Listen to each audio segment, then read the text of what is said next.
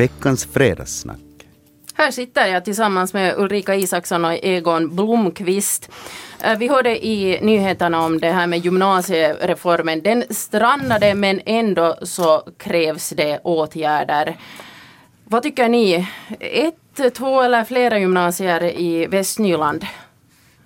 Ja, de ekonomiska realiteterna är ju så att någonting måste göras i alla fall.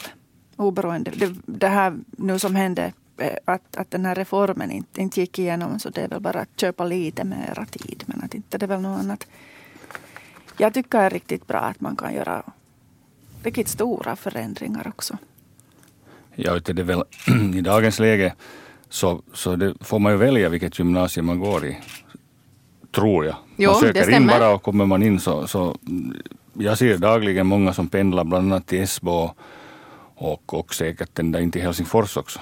Specialgymnasier där, ja, absolut. Så varför inte?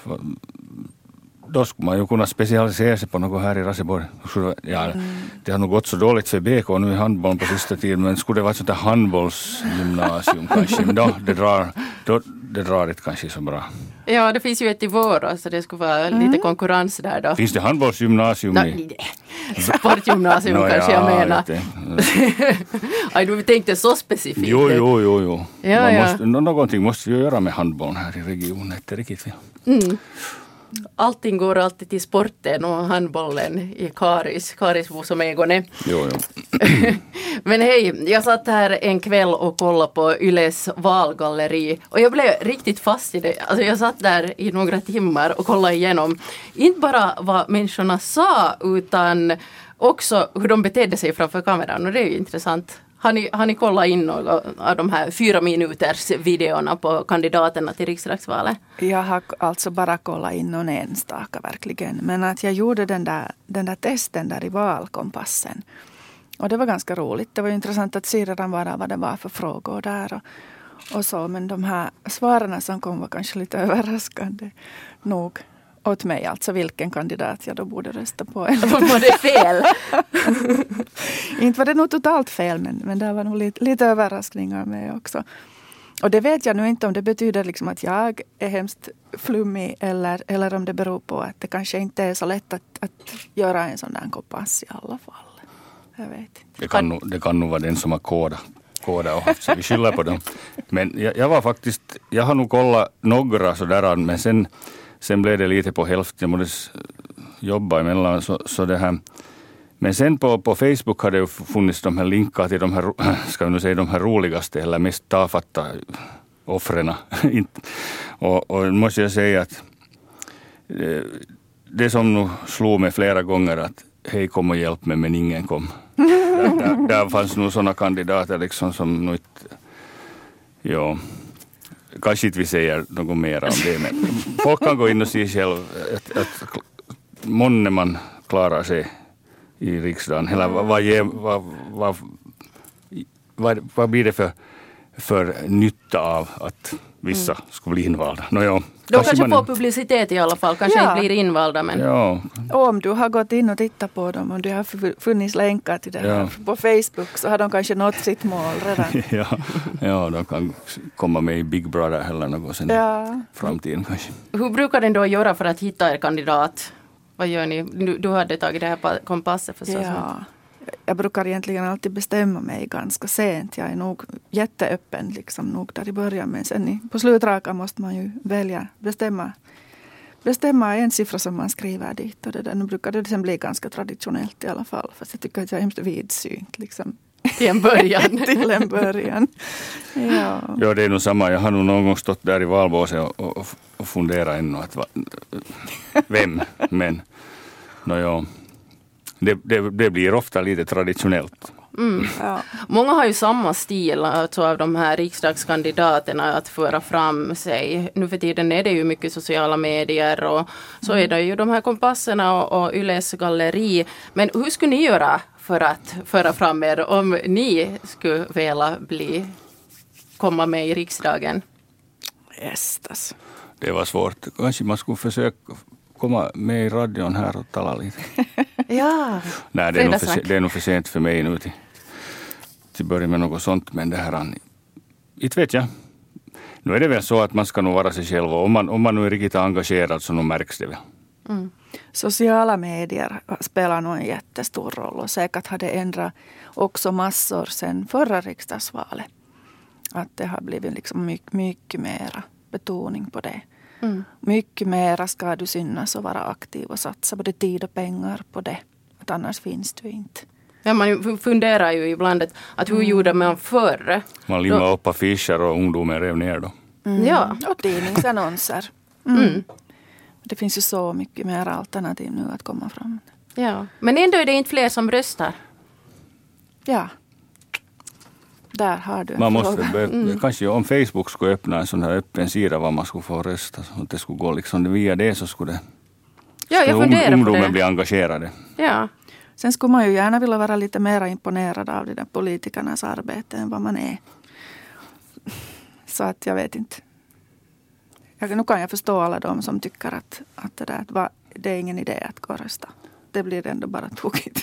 Men det är nog väl lättare att vara politiker då när det finns pengar och, det, och, och ekonomin går på högvarv som, som nu när det är liksom tomt i kassakistan och en massa lån. Nu är det inte lätt att vara politiker. Nej, och inte det roligt heller. Men det som är nytt i alla fall tycker jag nu som har kommit in är att man faktiskt, man till och med nu pratar om sparlistor. Ännu för en alldeles kort tid sedan när det nog redan var, var knappt så bara pratade ännu politikerna vad de skulle satsa på. Mm. Och ingen svarar på frågan att ja, men varifrån kommer pengarna. Men nu gör man i alla fall det. Mm. Och, och det, det, det är ju bra. Det är väl nu som man säger liksom sanningen i vitöga kanske då. Precis, mm. precis. Mm. Med tanke på valet, brukar ni eh, rösta inför eller på själva valdagen? Valdagen. Om man bara har möjlighet. Nu är jag så traditionell att jag röstar också oftast på valdagen om jag, om jag är i stan bara. Mm. Jag tänker att tänk om det kommer något riktigt braskande ja. nyheter just före. Så, så då har man förlorat sin röst om man har förhandsröstat. Nej, det är lite löjligt. Mm. Men, men det där. Nu har jag förhandsröstat någon gång också men vanligtvis brukar jag spara det nog. Jag har faktiskt gjort både och. Men jag tycker på valdagen så har jag upplevt, jag har bott på lite olika ställen, så på en del orter så är det väldigt formellt när man mm. kommer in i mm. vallokalen. Det är inga glada miner. Och sen på andra ställen så är det mera så här avslappnat. Hur ska det vara? Är det okej okay att le i en vallokal? Ja, nu, nu är det säkert, men kanske det ska vara lite mitt emellan för nu är det ju ändå du gör, du gör liksom din plikt då. Det är på något vis, det är då som du har den möjlighet att påverka. Så nu är det lite högtidligt tycker jag. Absolut ska det vara ska man nog riktigt skämta bort det. Nej, nej, nej, absolut ska det vara högtidligt. Och det har jag nog uppskattat när jag har varit första gången och röstat med mina, mina barn så där i turordning och så. Så nu, nu tycker jag att det är viktigt att det är mm. högtidligt. Har, har du satt på dem liksom söndagskläderna? Nå, nästan. Och flaggan i topp. Ja, absolut. Eller ja. hur? Visst är det en viktig dag. Mm. Mm. Då har man ju hopp ännu. Och sen dalar hoppet ja. dagen efter då. På tal om barn, Ulrikas barn, så har du en son som kommer att trycka in i armén här så småningom. Ja, precis. Vi berättade här i veckan om att eh, beväringar avbryter sin militärtjänst nu mera sällan. Det var ett sånt här katastrofår 2013 eh, då 23,5 procent avbröt i Dragsvik här, Nylands brigad. Och då tyckte brigaden att nu måste vi göra någonting. Mm. Så de lättade lite på tyglarna. Eh, de lät mamma och pappa komma och hälsa på redan första veckoslutet de var inne. Och så såg de till att de verkligen fick mat och tid att äta. Eh, tror ni att det var tack vare de här åtgärderna som det nu är färre som avbryter? No, det gjordes nog andra åtgärder och har jag förstått att det, det, här var nog kanske de här ytterligheterna men det är klart att det bidrar. Jag är ju lite jävig för jag har mina båda söner där på jobb faktiskt. De är stamanställda men, men nu har ju den här, allmän, den här värnplikten och utbildningen liksom ändrat betydligt på de senaste tio åren säkert också därför att, att nu är det ju nu är det ju liksom, det är delvis en sån här ledarskapsutbildning, jo, och, men nu är det väl, börjar bli den enda platsen i samhället där man liksom äh, har lite ordning och reda på allt. Att det är inte den här som flextid i skolorna och något, sånt här. Utan, och jag, tyck, jag tycker om liksom det här ordning och reda. För, för jag, jag tror nog att det är viktigt för, för dagens ungdom att eh, både eh, pojkar och varför inte flickor också att gå den där. Att ta den där tiden och, och, och få lite, ska vi säga, handledning i mm, mm. Ulrika, är du mm. oroad som mor då din son ska rycka in? Inte alls. Och jag tänkte just när du sa de här exemplen här att mamma och pappa får komma på besök första lördagen. Så jag tvivlar på att det hade så stor betydelse.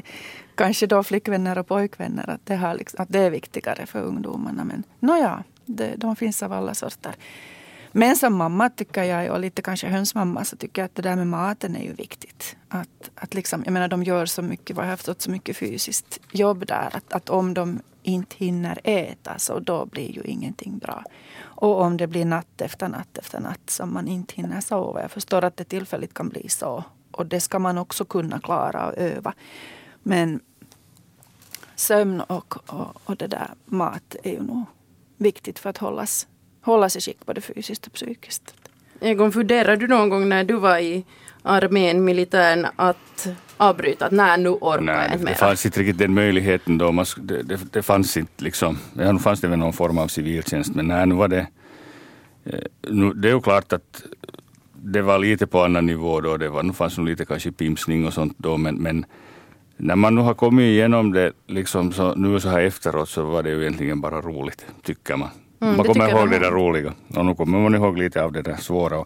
Men nu är det ju så att när det ska utbildas människor liksom i försvaret så, så det går inte liksom att, att alla får säga sin åsikt. Det, det, det är inte så, utan det finns inte tid liksom att, att sitta och diskutera då, utan man, man måste lära sig liksom att lyda. Det, det är nog bara så, för då, då funkar den här gruppen liksom bra. Och därför är det väl lite fortfarande så här hierarkiskt där. Så ska det vara. Mm. Är det okej okay då att Försvarsmakten lite lättar på tyglarna? Jo, no, alltså det här, den här onödiga pimsningen så den har nog gallrats bort de här senaste åren. Att, att nu, det finns inte tid liksom för det mera. För nu, nu, nu är den här utbildningen tar liksom ungefär 100 procent av den här tiden. Att, att, att förr fanns det ju tid liksom för lite lek och sånt här. Att nu, nu gör man nog mycket onödigt där mera. Mm. Just det. Nu tror jag att vi går över till det nästa samtalsämne.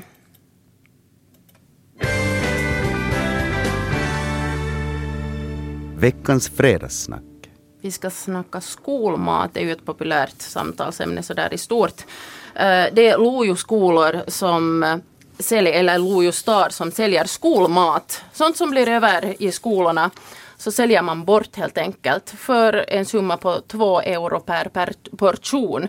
Vad tycker ni om en sån här tanke? Alltså det låter ju helt strålande. Och samma som det här med Dragsvik, liksom, så re, re, reagerar jag ju här. Liksom, ja, men det här är ju så självklart. Varför, varför först nu?